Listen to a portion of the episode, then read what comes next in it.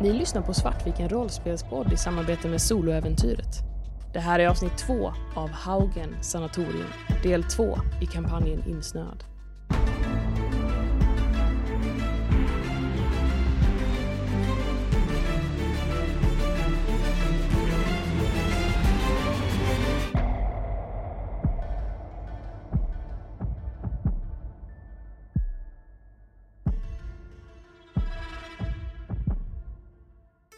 Bjarne, du ser allvaret i Lars blick när han säger det och pekar bort mot dörren.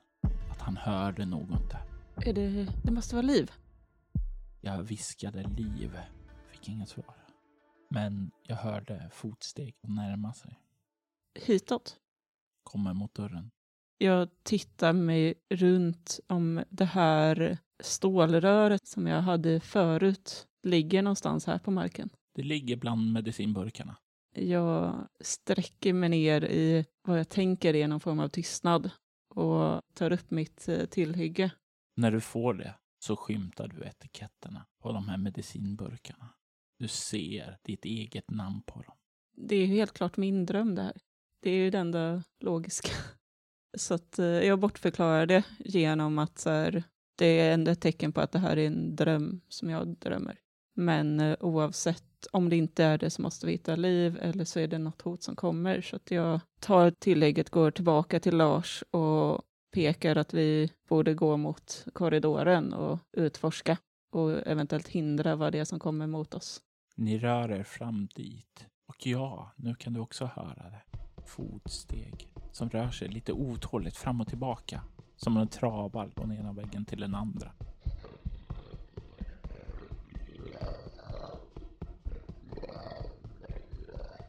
Kan se hur Lars greppar hårdare om sin pistol. Jag nickar mot honom och in mot korridoren. Tänker att det kanske är någonting som vaktar liv. Något djur eller någon hund som är i vägen. Han går fram till dörren till den kvinnliga korridoren. F- försöker öppna den, men det går ganska snabbt innan det tar motstånd. Dörren är låst. Men du hör genast reaktion från andra sidan att det börjar banka och slå på väggen. Jag ryggar bakåt. Kristoffer, Diana hör något bankande där utifrån. Jag tar mig omedelbart ditåt. Jag tror inte Åsa-Marie hör någonting av det här bankandet, men är du i sinnesnärvaro nog för att höra att eh, Diana rör sig ut ur rummet? Nej, jag är inte det. När jag har plockat den här äh, namnskylten och står och tittar på den ett tag och bara är nästan lite borta. Tills jag så här kommer på, ja men det fanns ett medicinförråd här. Det kommer säkert komma till användning så i ett försök att vara till nytta så går jag till det. Det är ju genom den dörren till höger om eh, eldstaden. Och du fortsätter vidare in. Diana, du kommer ut i den stora receptionen och kan se hur Lars har dragit upp sin pistol och håller den riktad mot dörren som leder till den kvinnliga avdelningen därifrån bankandet verkar komma. Ja, nu står ju också med det här stålröret i högsta hugg, redo mot dörren och bara tittar på det. Vad är det som händer? Och du känner en instinktiv rädsla. Jag vill att du slår ett fruktansvärt skräckslag med kropp. För du känner en primaljägare där inifrån. Åtta. Du, min vän, får tre skräcknivåer. Du känner vad den än är där inne så har den en enorm själskraft. Jag backar undan. Det, det, är, det är någonting där inne. Nej, blir det unisont. Från Bjarne och Lars. Ni, ni förstår inte. Det är någonting där inne. Vi måste barrikera den här dörren. Vi, Men tänk om Liv är där inne? vi måste. Om Liv är där inne så, så är hon död. Du ser ju hur Lars direkt när du säger barrikadera börjar röra sig för att finna bråte och dra där. Men bankningarna slutar plötsligt och sen hör ni hur någonting verkar galoppera iväg bort från dörren. Vad är det för typ av dörrhandtag? Det är ett sånt här gammalt, rejält, det är en sån här knopp Okej. och sen är det lås där under. Finns det någonting, för jag misstänker att vi fortfarande har kedjan Mm. som Bjarne släpar med sig. Om man kan ta den fästa runt dörrknoppen och binda fast den någonstans? Ja, jag skulle säga att det är eh, någonting som går alldeles utmärkt om man har mycket i mekanik. Jag har ett. Ja, du skulle ju kunna temporärt försöka. När jag ser att du börjar gå mot kedjan och säger det här med att barrikadera och framför allt det här med att Liv redan är körd så inser jag allvaret och vill hjälpa till. Så att här är någonting som jag kan göra nytta på. Nej men eh, ta den där plankan där borta och så borde man kunna sätta ihop den med den här stålställningen eller hyllan och, och så kedjan så att eh, om dörren öppnas så blir det bara en glipa. Jag kastar kedjan till dig. Gör det. Och jag börjar sätta igång. Och det här är någonting som känns väldigt tryggt för dig. För det här är saker som du är bra på, saker du kan styra. Precis. Och det gör att du får en skräcknivå tillbaka. Åsa-Marie, du skjuter upp dörren. Du kan se hur det finns ett litet rum in till vänster. Tänk dig som om den är bred som en korridor, men det liksom finns lite skåp och sådant där. Och sen så finns det en gång som fortsätter vidare och den leder fram till en dörr åt vänster och en dörr rakt fram. Finns det något ljus här inne? Nej, Bara ljus från stearinljuset inifrån personalrummet. precis. Jag börjar gå in i rummet och kommer på att jag kan ju inte se någonting. Jag kommer inte kunna se någonting när jag kommer in i medicinrummet framförallt. Så jag vänder tillbaka och tar tag i en av de här kandelabrarna. Och du tar tag i kandelabrarna och vänder dig om för att gå tillbaka. Och Anna och Kristoffer kan blurra. Du vänder dig runt och du ser porträttet. Det är det vackra, fina porträttet på Dr. Kettilnäs. Och du ser nu att du står inte i ett nedgånget personalrum. Du ser att du är tillbaka där du var nyss. Och du hör bakom dig Åruds röst. Men vad gör du här egentligen? Jag sa ju åt dig att gå och eh, städa patientrummen. Ah! Jag tar den här kandelabern och svingar runt den och försöker slå mot den som pratar. Hon står ju på andra sidan rummet så du slår rätt i luften och du ser ett par av ljusen där far ut. De är inte tända, utan eh, de far och landar på golvet. Du kan se hur Årud kollar irriterat på dig. När jag har svingat runt den så släpper jag kandelabern och börjar backa bak och snubblar och sätter mig på marken och börjar på kravla bakåt. Och du kommer upp med ryggen mot eldstaden. Fröken Espensen. Nej, nej, det här händer inte. Det... Alltså, du ska vara sköterska här. Vem är du? Varför är jag här? Jag tittar ner på mig själv igen och här känner efter den här namnbrickan. Och du känner den där. Det här... Jag känner efter fickan efter den här burken med tabletterna. För jag vet ju att de är ant- antipsykotiska. Eller Ja. är det... ja. Det finns ingen sådan där. Och så här, bara försöker blunda och hålla för mina öron och återigen kryper ihop i en så liten boll jag bara kan. Och du hör genom när du håller för öronen att fotsteg närmar sig. Och du känner hur någon tar tag i din arm och börjar dra dig uppåt. Nej, nej, låt mig vara. Jag vill inte. Du får en örfil. Och sen hör du Årud. Antingen så sätter du igång och jobbar eller så åker du härifrån. Jag tänker jag vill eh, aktivera min Kroatien. Jajamän. Vilken bestående förlust har du? Jag tar en i eh, kropp faktiskt. Och jag slog åtta, så nio. Fortfarande bara välja en effekt och du väljer en bieffekt. Vad väljer du för effekt? Jag väljer att eh, få ett litet föremål att inom ett kort avstånd börja brinna.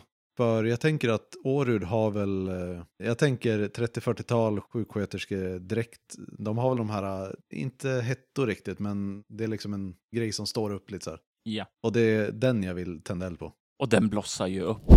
Och hon släpper ju dig och skriker och kastar den åt sidan.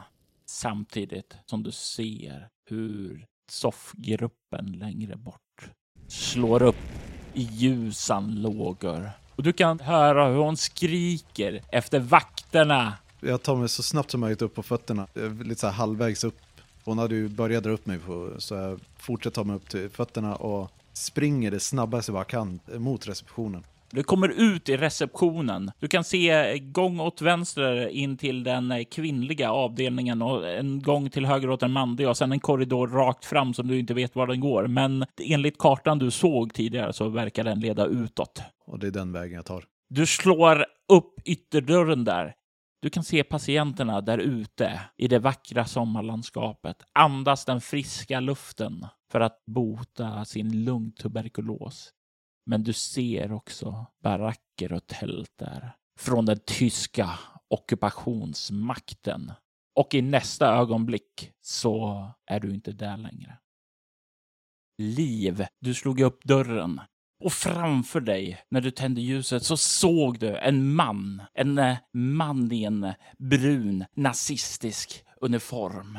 Och det tar några sekunder innan du inser att mannen som sitter där på en stol är död. Ah! Han- står där med järnröret i högsta hugg. Ansiktet har skrumpnat ihop. Han har varit död länge. Men du känner igen uniformen från Günther Fleischer. Du ser att han, där han sitter, det har brunnit ner ljus. Du kan se att märkliga ockulta symboler har ritats i en cirkel som han befinner sig i. Men det som sticker ut mest är det klösmärke som har rivit rätt genom bålen och trasat han uniform och slitit upp hans inre. Blod och inälvor har runnit ut men för länge sedan ruttnat bort. Jag går fram mot honom och när jag passerar de här ockulta symbolerna så tittar jag ner och rynkar lite på pannan och brinner ljusen fortfarande? Nej, de är nedbrunna, så du har bara ditt ljus från lampan. Men jag vill att du slår ett svårt slag med kropp, rörlighet, då någon kommer rusande bakifrån mot dig. 14. Du känner plötsligt hur någon träffar dig i ryggen och du hinner liksom vända undan. Men eh, du känner hur den personen som far förbi dig springer och far rätt in i den här kroppen som ligger där framme. Åsa-Marie, du som nyss är på väg ut, slår upp dörren för att komma ut, for plötsligt rätt igenom ett nedsläckt rum. Du passerar förbi bokhyllor, du smäller in i någon och faller. Och du landar på marken över ett gammalt förmultnat lik. Ah!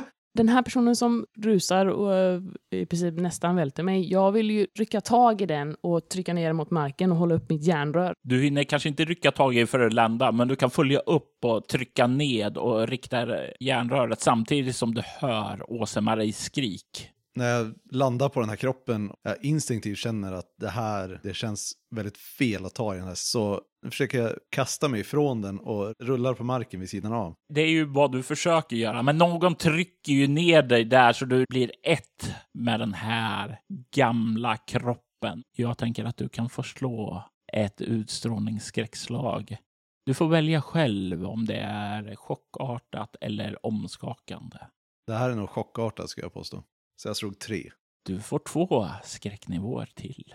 Och du är nedtryckt på marken. Vem är du? Svara! Vad, vad gör du? Släpp mig! Jag vill rycka tag i eh, den här personen och vända på den så att jag kan se ansiktet men fortfarande hålla ett grepp runt kragen och rikta mitt eh, järnrör mot personens ansikte. Och du vänder runt henne, drar upp järnröret och du ser Åse-Marie. Livrädd. Åse-Marie så som eh, hon var när jag har träffat Åse-Marie eller Åse-Marie burn to a crisp? Inge burn to a crisp. Jag kniper verkligen ihop ögonen så hårt jag bara kan och tittar inte på dig. Vad gör, vad gör du här? Jag öppnar ögonen och... Men, Liv! Hur kom du hit? Eh, Jag sprang ut från sjukhuset. Eh, Jag vet inte hur jag hamnar här. Det, jag vet inte vad som händer. Vilket sjukhus? jag, jag vet inte, det var nazister där. Jag, jag förstår inte. Det är alldeles för förvirrande. Åh. Jag ganska så hårdhänt kastar liksom Åse-Marie åt sidan. Du vet ju ingenting. Återigen så känner jag på bröstkorgen efter den här eh, namnbrickan. Namnbrickan är inte där och du är klädd i dina kläder. Jag plockar fram eh, medicinburken. Och jag vet väl ungefär vad en dos är. Var har du medicin? Jag har sex i medicin. Ja, Jag har dessutom eh, två tärningar i identifiera. Ja.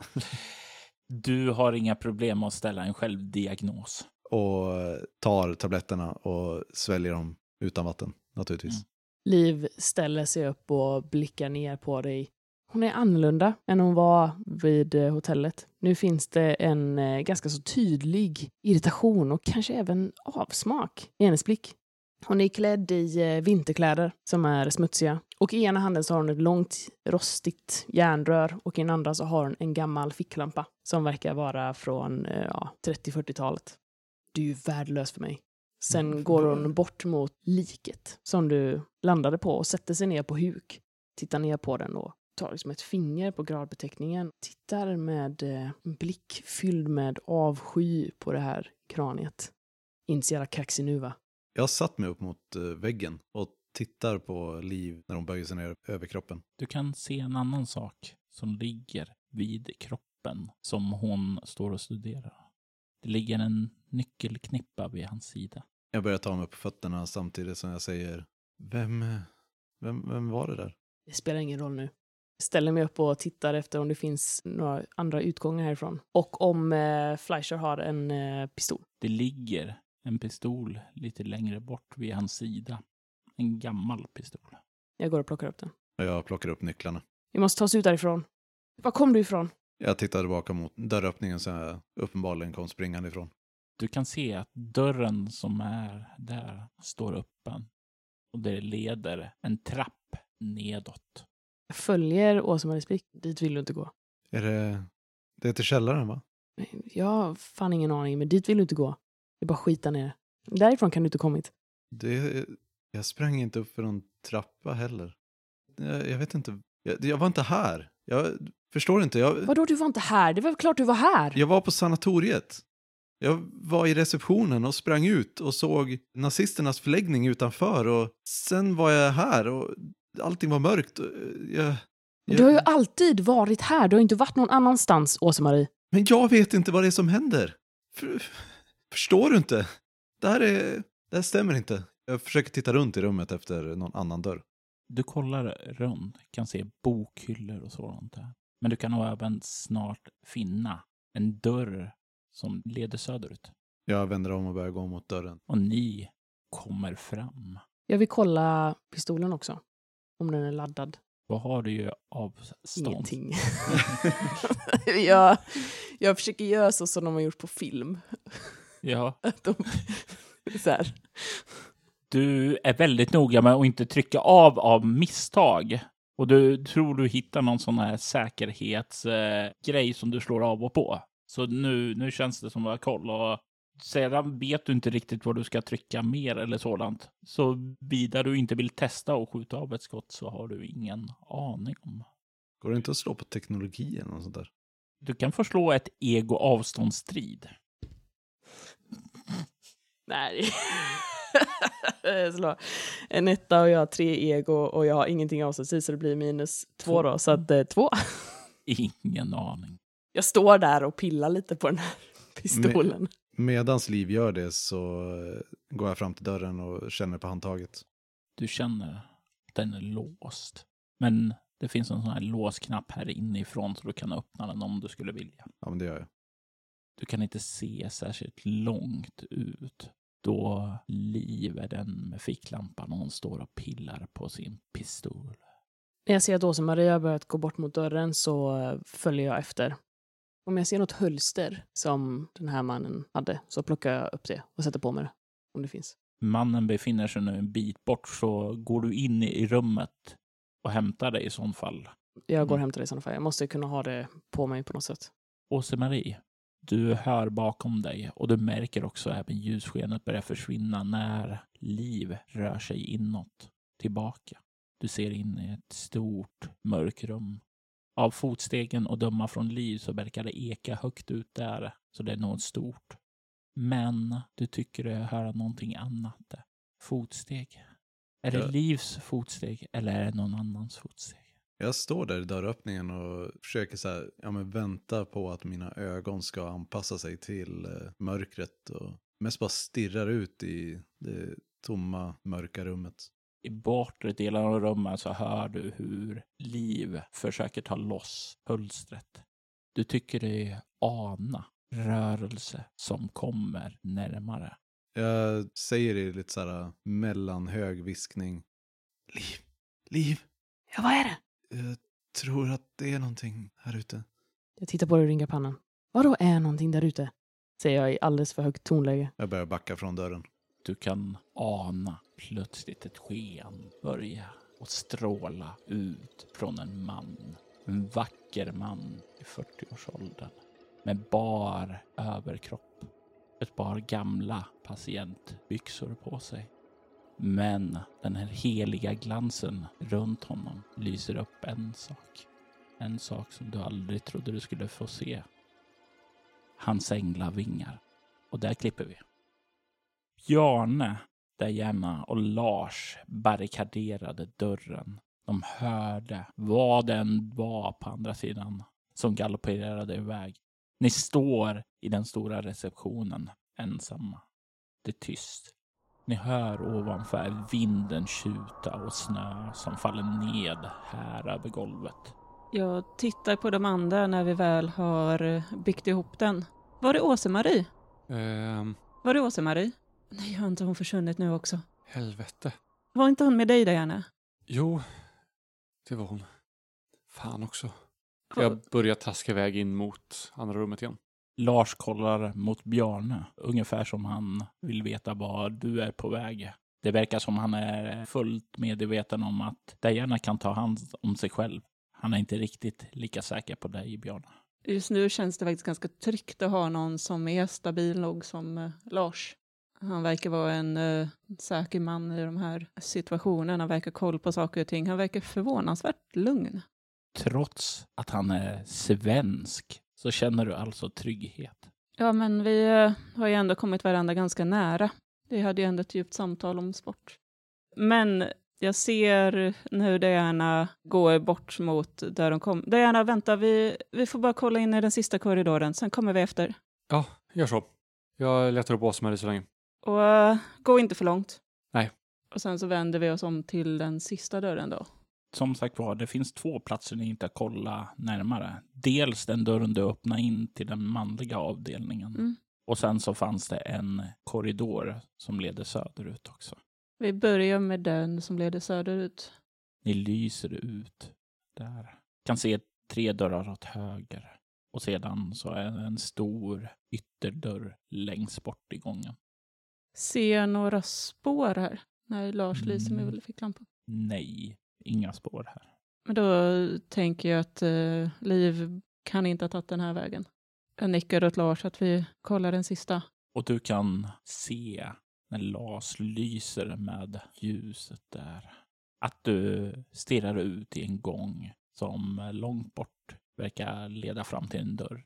Men att det på sidan åt vänster och höger verkar finnas dörrar till smårum, patientrum. En del av dörrarna har slitits löst och slängts åt sidan som ligger halvt och blockerar väggen från ena sidan till den andra. Du kan se hur en del av tapeterna har gett vika och hänger ned. Hur en del av taket har spruckit. Det känns ödsligt här. Och du kan inte se några fotsteg. Jag tittar på Lars. Borde vi utforska det här mer? Jag tror vi bör gå och hämta Diana och göra det tillsammans. Vi bör inte splittra upp oss. Vi vet inte vad som pågår här. Nej, det har du rätt i. Men bra, men vi, vi kan väl ta en sista kik bara för dubbelkollat liv. Hon kanske är den sista korridoren. Har Något slags hopp kvar. Han nickar bara. Det är ändå nästan på vägen. Ni tar och börjar gå tillbaka mot den. Diana, du kommer ut i rummet, det stora personalrummet igen. Du ser att det är ljuset här är inte lika starkt som tidigare. Du kan se att en av kandelabrarna finns inte kvar där den låg tidigare. Den är försvunnen. Men ifrån det skenet från den kvarvarande kandelabern så kan du se soffgruppen, anslagstavlan och resten av väggarna och tapeterna där är sönderbrända som en eld har blossat upp där. Det var inte så förra gången jag var här. Nej, det här är nytt. Och det är ser bra. ut att ha varit där väldigt, väldigt länge. Det här är inte bra alls. Är någon av dörrarna öppna? Eller är det liksom någon, någonting annorlunda här? Du kan inte se så långt bort. Jag plockar på mig kandelabren som finns kvar och börjar gå igenom rummet och undersöka. Du kan se att den dörren till höger står lite på glänt.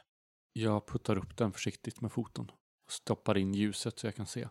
Och du ser in i ett ganska orört rum. Du kan se ett litet mak åt vänster där det finns lite skåp och sådant. Sen en gång som leder vidare finns en dörr åt vänster på den väggen och en dörr rakt fram. Och jag har ju fortfarande kartan i minnet. Så jag vet ju att det är vilorum rakt fram och medicinförrådet till vänster. Jag går fram och öppnar dörren till medicinförrådet först. Och du känner att den är låst. Då går jag vidare till vilorummet. Den glider upp.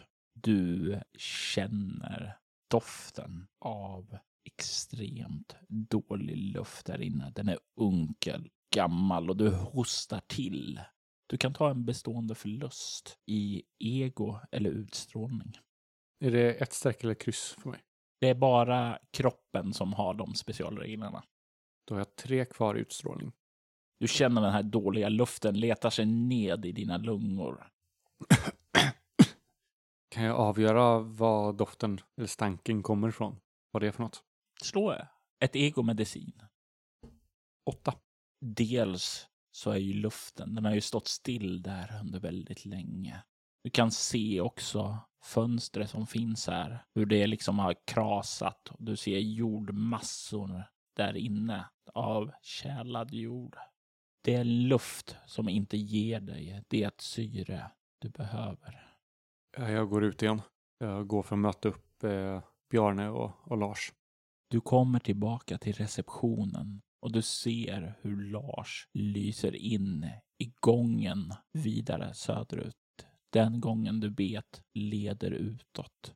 Och Bjarne rör sig in där. Bjarne, vilken är dörren du vandrar fram till? Jag tar den, eh, egentligen bara den eh, första till höger. Du tar tag i handtaget och försöker få upp den. Lars kommer fram bakom dig med ficklampan, men du känner att dörren är blockerad inifrån. Liv, är du där? Tystnaden möter dig, bortsett från de fotsteg som närmar sig er ifrån receptionen. Diana, du hör ju Bjarnes viskning efter liv. Bjarne, det är jag. Jag snurrar runt när jag hör fotstegen. Bra. Har du hittat uh, Åse-Marie? Varken Åsa eller Marie eller Liv. Men det är någonting konstigt i, i personalrummet. Väggarna och taket. eh, Det är som att det var en brand där för många år sedan. Och det var inte så tidigare när jag var där. Jag, jag eh, och Åsa-Marie, eh, vi var i någon, någon dröm tidigare när vi var på 40-talet. Och vi var, vi var här. Och det var någonting, någonting fel med den drömmen. Jag undrar om det kanske inte riktigt var en dröm. Och om det är där Åse-Marie befinner sig. Jag försöker tänka, men det, är, det går liksom i virvar i huvudet. Jag hänger inte riktigt med om det här är en dröm är en dröm eller om vi är i det riktiga och det andra var en dröm. Men när du börjar prata om drömmen så tittar jag på dig och jag var också här som en patient. Det måste ju vara någon slags koppling när vi ramlade ner och jag vet inte. Men det är absolut något väldigt fel med det här stället. Jag såg en eh, person som har hemsökt mina drömmar förut, som verkade jobba här. Jag föll inte ner i hålet som ni gjorde, men jag har också varit här. Eller drömt att jag varit här. Att Ja. jag var en tysk officer. Jag rycker till och tittar på Lars. Och var du en av dem? De, ja, de verkade tro att jag var, alltså, ena ögonblicket ser jag ner på er och den stora lunsen som liknade dig. Och i nästa så har jag en tysk officer som skriker på mig att jag ska skärpa mig. Och att eh, jag har en plikt mot moderlandet. Jag var förvirrad, men jag spelade med. Jag och Åse-Marie var, var där i form av sjuksköterskor. Är ni på deras sida? Eh, nej, verkligen inte. Nej. Ja, jag skakar på huvudet. Jag har förföljts av en nazist tidigare. Det var därför jag kom upp hit egentligen. Vet du vad han heter? Nej, han sa bara Raus, mitt namn. Eh, jag fick bilden av en eh, stor blond man, men eh, inte mycket mer än det. Men om, om vi tillfälligt bara säger att, att Åse-Marie på något sätt är i den här drömmen och att den här drömmen i själva verket är dåtiden och att dåtiden har konsekvenser för där vi är nu. Om de tände eld på rummet i drömmen på 40-talet så har rummet brunnit idag. Hänger du med? Jag- bara blinkar och tittar på det. Det här är jättesvårt för Bjarne att förstå. För Men- om Åsa-Marie är där så finns det också en chans att Liv är där. Vi måste på något sätt bara försöka ta oss dit i så fall. Lars nickar åt dig. Han verkar inte ha samma problem som Bjarne att greppa det här. Det som framförallt hindrar mig att greppa det, det är medicinburkarna. Som för mig är tecken på att det här är en dröm. Jag går ner på marken och plockar upp en av de här medicinburkarna och försöker titta på datumet på dem.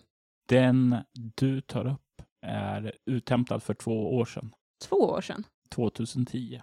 Vad fan är det här? Du börjar kolla andra du hittar från 2009, 2007, 2011.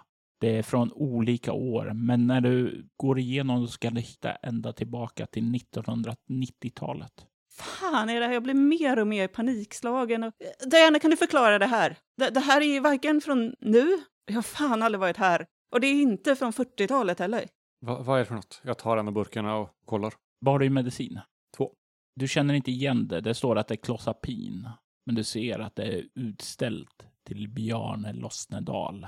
Och just den eh, burken som du har lyft upp är från 1999. Va, vad är det här? Jag har ingen aning. Jag har aldrig varit här. Jag har aldrig ätit sån här medicin, även om jag... Eller jag, jag vet inte vad det är, men någonting skulle jag behöva ha nu. Va, vad är det för medicin? Ja, du kan ju läsa själv, men eh, jag har aldrig varit särskilt bra på medicin. Men Det här är ingenting du tar? Nej. Och ingenting du har tagit? Nej. Och vad gör det här om det här är någonting från 40-talet? Jag tittar mellan Diana och Lars för att så här, någon av dem ska kunna komma med någon slags lugnande förklaring. Ehm, Lars plockar den här burken och kollar på den. Ja, den här burken är inte från 40-talet. För på den tiden så var det glasflaskor, inte plastburkar. Så det här är ju definitivt, i och för sig, jag har hört talats om fall där saker från drömmar kan manifesteras i den vanliga världen. Jag tittar på Lars. Eftersom vi verkar drömma saker om det förflutna. Kanske kommer det från andra ställen också. Och till slut så bara skakar jag på huvudet. Och jag vet inte vart vi är, när vi är, hur vi är. Men vi måste väl försöka hitta Liv och Åsa-Marie och ta oss härifrån. Lars, vet du hur man kan ta sig in i de här rummarna? Jag vet inte det. Jag vet att det finns folk som kallas för, nu ska vi se här, drömseglare. De har en förmåga att ta sig in där. Men jag vet inte hur man gör. Jag har inte träffat någon heller. Jag har bara hört rykten om dem. Har du utforskat hela, hela ditåt? Nej, jag har två rum kvar. Okej, vi, vi får gå dit och, och titta. De, de kanske är där. Åsa-Marie kan ju inte ha kommit långt. Jag går in och kikar in först på toaletten där jag gömde Åsa-Marie. Ni vandrar tillbaka upp emot personalrummet. Ja. Och du kommer upp i det rummet där Åse-Marie var. Och du kan se hur det är dammigt här inne. Luften är unken. Det ser dock fint ut. Bortsett på spegeln där någon har skrivit JAR med läppstift. J-A-R. Ja, Jag följer efter eh, Diana. mm, och Oj. det gör Lars också. Tittar in på spegeln. Är det en handstil och ett läppstift som jag känner igen? Ja. När jag kommer in så, och ser den här spegeln som lyses upp Lars ficklampa så bara pekar jag på den och stirrar. Jag, jag har sett det där förut. Vad är det för något? Ihop med den här nazisten så är det en kvinna som jag, var med för ett tag sedan och hon, jag vet inte, hon har förföljt mig. Jag såg eh, samma stil på Livs dörr på hotellet innan allt bröt ut. Det måste hänga samman på något sätt. Ni hör den andra toalettdörren öppnas och, och Lars kollar in där. Det finns skrift här också. Vad står det? NEB. N-E-B. Låter det bekant för dig, Bjarne? Nej, jar, neb. Nebjar. Nej, men det är en eh, ledtråd. Kanske kan använda det för att lösa någonting här. Det låter som nonsens tycker jag. Jag traskar uppåt till den vänstra dörren upp mot eh, omklädningsrummet där och försöker öppna. Du kommer fram, skjuter upp dörren. Jag gissar att ni andra. Följer med. Mm. Här inne kan du ifrån din kandelabrers sken och Lars ficklampa se rakt fram att det finns ett stort fönster och du kan ana där inne en operationssal. Här finns det lite skåp och förråd. Ni kan se också sedan en korridor som leder vidare och det finns en dörr på väggen där åt höger som leder in i operationssalen och ett rum längre bort. Står det något på det här fönstret? Ja, min, Nej, det står ingen. min instinktiva nu är det verkar finnas saker på speglar, jag måste hitta speglar. Ja, du har ju sett en del eh, sjukhusserier och, och så på tv, så inne i operationssalar så finns det ju, brukar det finnas speglar. Så jag tar mig in dit. Lars följer efter. Jag går upp och öppnar den sista dörren, den upp till omklädningsrummet. Du kan se in ett gammalt, dammigt omklädningsrum. Ser ganska ödsligt och övergivet ut. Bjarne kan se in i en sjukhussal.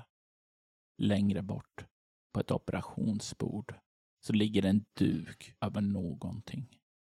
En duk som ser ut att vara en kropp. Du tar ett djupt andetag och just när du andas ut så tycker du att det rycker till under därifrån, som om någonting vore vid liv. Åse-Marie, du ser framför dig mannen med sina stora änglavingar som kliver närmare dig. Hans ansikte är rent, vackert. Han ler emot dig. Du har stapplat bakåt. Du hör längre in hur liv reser sig från kroppen. Framför mitt inre så flimrar alla de här bilderna utav eh, olika religiöst övertygade människor som fördömt mig och mitt sätt att leva och vem jag är och allting. En del av mig känner verkligen att det här tvivlet har, har jag haft fel om religion och helt plötsligt så kommer jag bli straffad eller är det, är det här bara ännu en vision av någonting som inte finns på riktigt? Är det här en dröm? Och jag förstummat fortsätter backa in till, till jag backar in i väggen på andra sidan. Där är bokhyllan. Liv, du reser dig upp från kroppen med hölstret stadigt i din hand och du kan trycka ner pistolen. Plötsligt vid sidan så ser du hur Åse-Marie backar in från en bokhylla som skymmer sikten där. Åse-Marie ansikte, hur det ser... Uppspärrade ögon och förstummad min. Jag känner hur pulsen börjar ticka uppåt och jag knäpper på mig det här hölstret och tar ett stadigare grepp om järnröret. Du ser också ett ljussken bortifrån dörren, bortifrån platsen som Åse-Maria backat undan ifrån. Jag går bort dit. Och du ser en vacker man med änglavingar bakom sig. Och det lyser ett heligt sken omkring honom. Och han ler emot dig. Säg mig, har ni sett min vän? Har ni skådat hans ansikte? Hans liv rynkar på pannan. Jag är här för att bistå min vän från då han var här sist. Han försvann då undergången skedde omkring oss. Jag är här för att hjälpa honom. Men för att hjälpa honom måste jag finna honom. Det känns som det här är någonting jag minns. Om du vill hjälpa honom så måste du föra den sista skärvan till själakällan, säger hon. Och nästan som att hon liksom, kan bli förvånad över att hon yttrar sig. När Liv säger de här uh, orden som verkar betyda någonting men som inte alls är självklart för mig så lyckas jag slutligen bryta mitt stirrande mot den här mannen och istället titta på Liv, ha en frågande blick. Det är en lång historia. Ejer, du har inget att frukta ifrån mig. Jag dömer dig inte, så som andra har gjort tidigare i ditt liv. Men va, varför, är du, varför är du här? Varför bara är vi? Vem är du? Mitt namn är Uriel. Jag är Guds heliga eld. Jag blev sänd hit dagen då undergången skedde på detta Guds förgätna plats. Då min vän försvann. Jag har väntat på honom och jag känner hans närvaro någonstans. Men jag har icke funnit honom längre. Jag slutar trycka mig mot bokhyllan och tar ett halvt steg framåt. Ja, vad vill du att vi ska göra då? Som jag sa till er, jag behöver finna min vän. Vet ni var min vän befinner sig? Han som jag var med vid tiden för undergången. Han som försvann ifrån mig. Vi har ingen aning om vem ens du pratar om. Hans namn är Bjarne Lossnedal. Men, fantastiskt. Ja, han, han, han var här. Jag tittar mot eh, Åsa-Marie. Som att eh, hon Eh. kanske vet. Ja, han, när jag, innan jag försvann senast så var han i, han var i receptionen med Lars och, På hotellet. nej här på, här i sanatoriet. Okej, vad vad är receptionen här någonstans då? Och hur Ja. kunde ni hamna där och jag hamna nere i källaren? Jag börjar ta några steg framåt uh, Uriel och inse liksom att jag, för att ta mig till dörren så måste jag ta mig förbi den här ängeln och jag stannar upp och ser tveksam ut. Han kollar mot dig och du ser hans vänliga, empatiska blick. Och han tar ett steg åt sidan för att bereda väg åt dig. Samtidigt som han säger Ejer, du vandrar med min välsignelse. Och du känner en närvaro inom dig. En närvaro som får dig att känna lugnare. Du får tillbaka tre skräcknivåer. Om du letar efter Bjarne, vem, vem, är, vem är kvinnan då? Kvinnan. Kvinnan i grottan, kvinnan vid sjön. Jag vet inte vem den kvinna som du talar om är. Men jag vet att det finns en kvinna här. En kvinna bakom mardrömmarna. Hennes namn är Astrid. När hon säger det så minns ni hur Fjarne skrek efter någon som kallades för Astrid. Jag tar ett djupt andetag och går så nära väggen, den andra väggen som möjligt, förbi Uriel ut i det här uh, uppehållsrummet. Du kommer förbi. Följer Liv också med. Ja, jag följer också med. Bakom er följer Uriel med er och ni börjar vandra bort emot dörren. Är Uriels sken nog starkt för att det ska lysa upp liksom betydande del av rummet? Ja. Okej. Guds heliga sken är nog för att driva skuggorna åt sidan. Och ni ser spåret av det här rummet där det verkar ha pågått strider, heter det. Bord omkullvräkta, möbler kastade över rummet. Ni kan se ett bord som är knäckt rätt på och ni kan se blodsplatter över väggar. Någonting har skett här och ni kan ana skelettdelar från gamla patienter här. Jag leder vägen till eh, dörren som leder ut ur uppehållsrummet. Tittar med lite olustigt omkring på oredan och forna tumultet och tittar lite försiktigt mot eh, den här främlingen. Vad, vad är det egentligen som har hänt här? Källaren, experimenten, de ogudaktiga sakerna som skedde där. Har ni hört talas om vedergällningens brunn? Jag försökte varna Bjarne för den. Han ville inte lyssna. Men vad, vem är Bjarne för dig? Bjarne var likt jag en patient här. Vi led båda av lugn tuberkulos och vi togs hit för att bli friska. Men sen kom tyskarna experimenten i källarna började. De försökte förändra oss, skapa en übermensch med något de kallade för apokalypsolja. De injicerade det i personer och de blev till djävulens kreatur.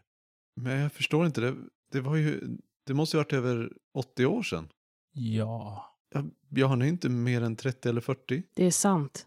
Det är sant som han säger. Jag drar upp ett eh, papper ur eh, min ena ficka och sträcker fram det till eh, Åsa-Marie. Och det verkar vara någon form av så här journal som har eh, Bjarne Lossnedals namn på som är daterat till 1944 där det står att han har kommit in på sanatoriumet för tuberkulos och det finns även en eh, anteckning bredvid där det står eh, lämplig för försök. Men det, det här måste ju vara Bjarnes farfar, eller?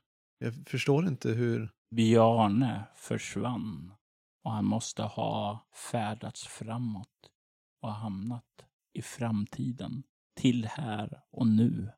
Jag, ja, jag känner fra, först på dörren ut från uh, uppehållsrummet.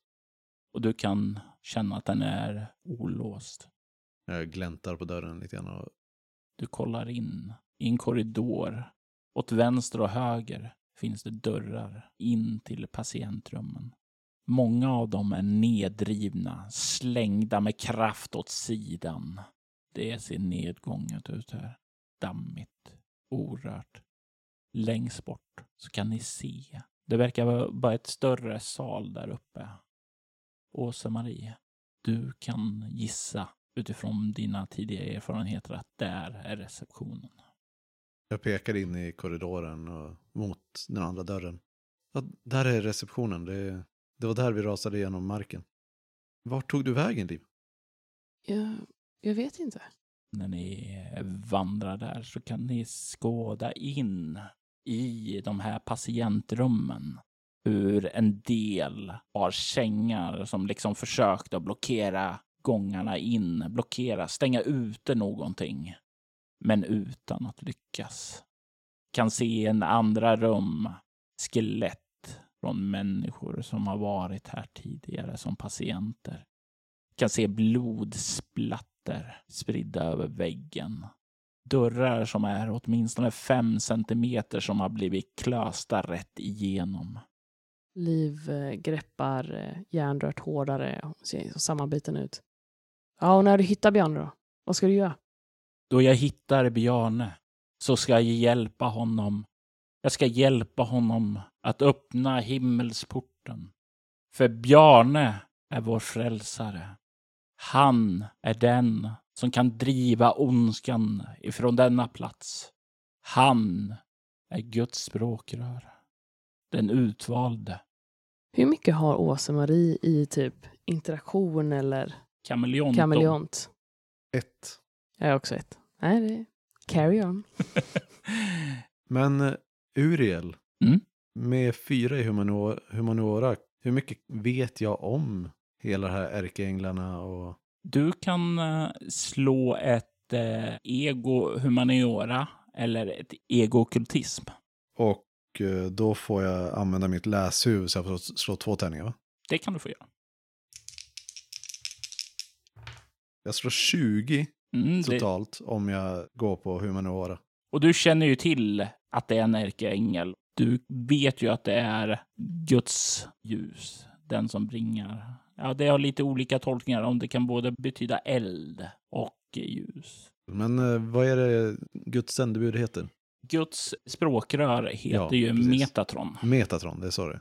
Jag stannar upp mitt i den här korridoren och vänder mig emot och säger till eh, Uriel. "M- Men menar du att Bjarne är Metatron? Eller vad menar du? Han ler. O, du barn av eld. Bjarne har många namn. Och om Gud har väckt han likt mig från sin slummer så känner han sitt sanna namn som Metatron. Jag står kvar ett tag och ser förvirrad ut medans jag vet inte om de här stannar upp också eller fortsätter gå. Uriel har ju stannat i alla fall eftersom han står bakom dig. Liv som är längst fram har de fortsatt och gått. Går nog några steg tills jag ser att ni har stannat och då stannar jag också och tittar på er. Jag förstår inte vad det är som händer. Vi befinner oss på platsen som Gud glömde. Vi är de som måste föra ljuset tillbaka från de helvetes kreatur som finns här. Men de är ju instängda i källaren. Är de instängda i källaren? Ja, jag vet inte. Är de det? Jag greppar mitt järnrör hårdare. Du greppar ditt järnrör hårdare. Du tycker dig höra ljud av fötter som kommer springande bortifrån uppehållsrummet. Det kommer springande mot er. Det kommer närmare och närmare och Bjarne, du ser hur du tycker det rycker till under duken på operationsbordet. Jag eh, spänner greppet ändå hårdare om det stålröret jag har och går fram mot det. Redo att eh, slå om någonting skulle hoppa till, men eh, med avsikten att dra av täcket. Du verkar inte se att det rör sig längre. Lars vrider sitt huvud mot Diana och säger det verkar finnas en kropp här inne. Och sen så rör han sig in. Jag stänger till dörren till omklädningsrummet och går med in till operationssalen. Bjarne, du kommer fram till operationsbordet. Kan se duken ligger där. Lars lyser upp över det. Med stålröret framsträckt så att jag inte behöver gå hela vägen fram så tar jag det under duken och sakta, sakta drar bort överdraget så jag kan se kroppen. Ni alla kan se vad som finns där under. Och ni får slå ett chockartat skräckslag med kropp. Förutom Kristoffer som får slå ett fruktansvärt skräckslag istället. Jag lyckas. Precis, jag får tio. Och jag får tio. Du får två skräcknivåer, Diana. Ni blickar på en död gestalt där under. En gestalt som inte är mänsklig. Varelsen är lång. Säkerligen ett huvud längre än människa. Eller den skulle i alla fall vara det om den hade en kroppsform som gjorde att den skulle gå upprätt och inte framåthukad. Den har armar, ben, för det är en humanoid varelse. Men lederna på dem verkar gå att böja både fram och till bakåt. Ögonen är knytnävsstora och klotformade och ni kan se in i dess vidöppna ögon, in i den gula irisen.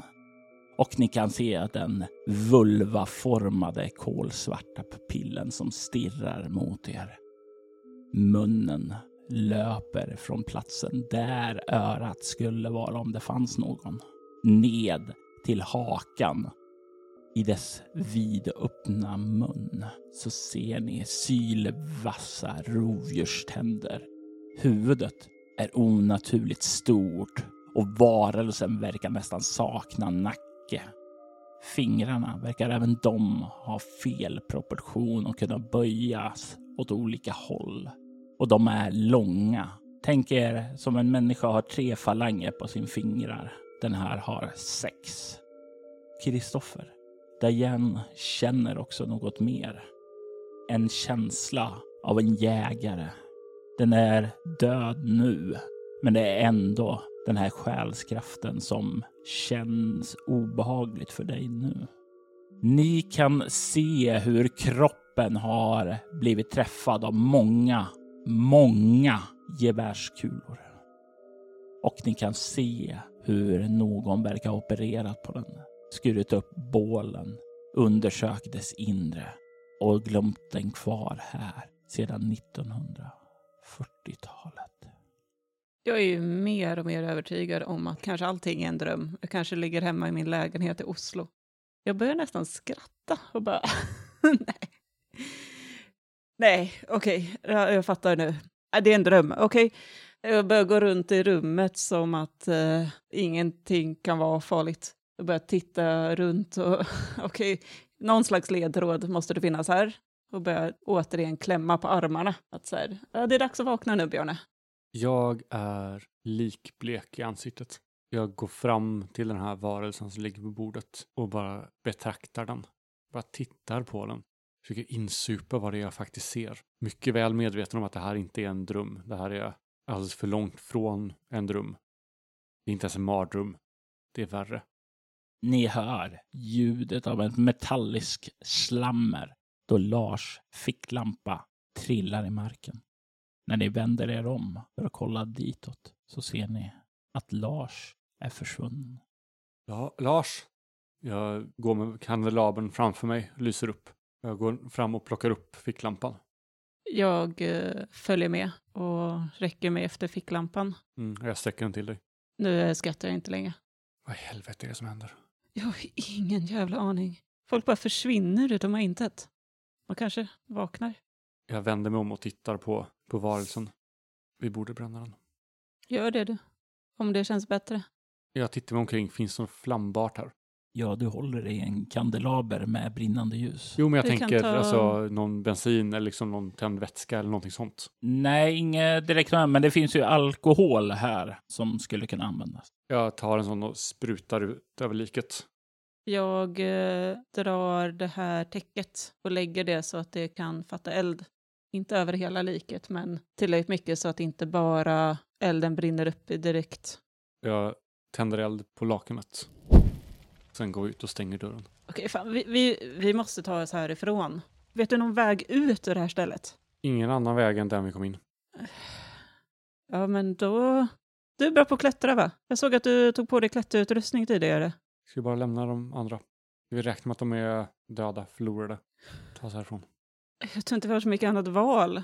Jag vet inte ens om de fanns på riktigt. Jag vill inte vara kvar här. Vill du? Vi måste åtminstone få ut dig härifrån. Vad bra, då är vi överens om en sak. Jag börjar gå tillbaka mot, mot hålet i taket ute i eh, receptionen. Du kommer ut i receptionen. Du kan höra fotsteg som börjar närma sig dig bortifrån den manliga avdelningen. Kan höra, tycker du, Åsa-Maries och Livs röst därifrån. Bjar- Bjarne, jag, jag tror jag hör dem. Du får inget svar. Det är tyst. Och när du vänder dig om så ser du Bjarne är inte där. Du står här ensam. Bjarne tar de första stegen för att följa efter Diana. Och du hör, hinner inte särskilt långt. För i nästa ögonblick så står du i det upplysta uppehållsrummet med Elliot upptryckt mot väggen och du stirrar bort emot dörren där din mystiska one night stand har nyss klivit in. Vad i... Shh! Provocera dem inte, säger Elliot. Provocera dem inte. Jag tar eh, tre djupa andetag och tittar på den här personen som jag håller i. Släpper honom och vänder mig om mot kvinnan. Och du kan se hur kvinnan lägger märke till dig.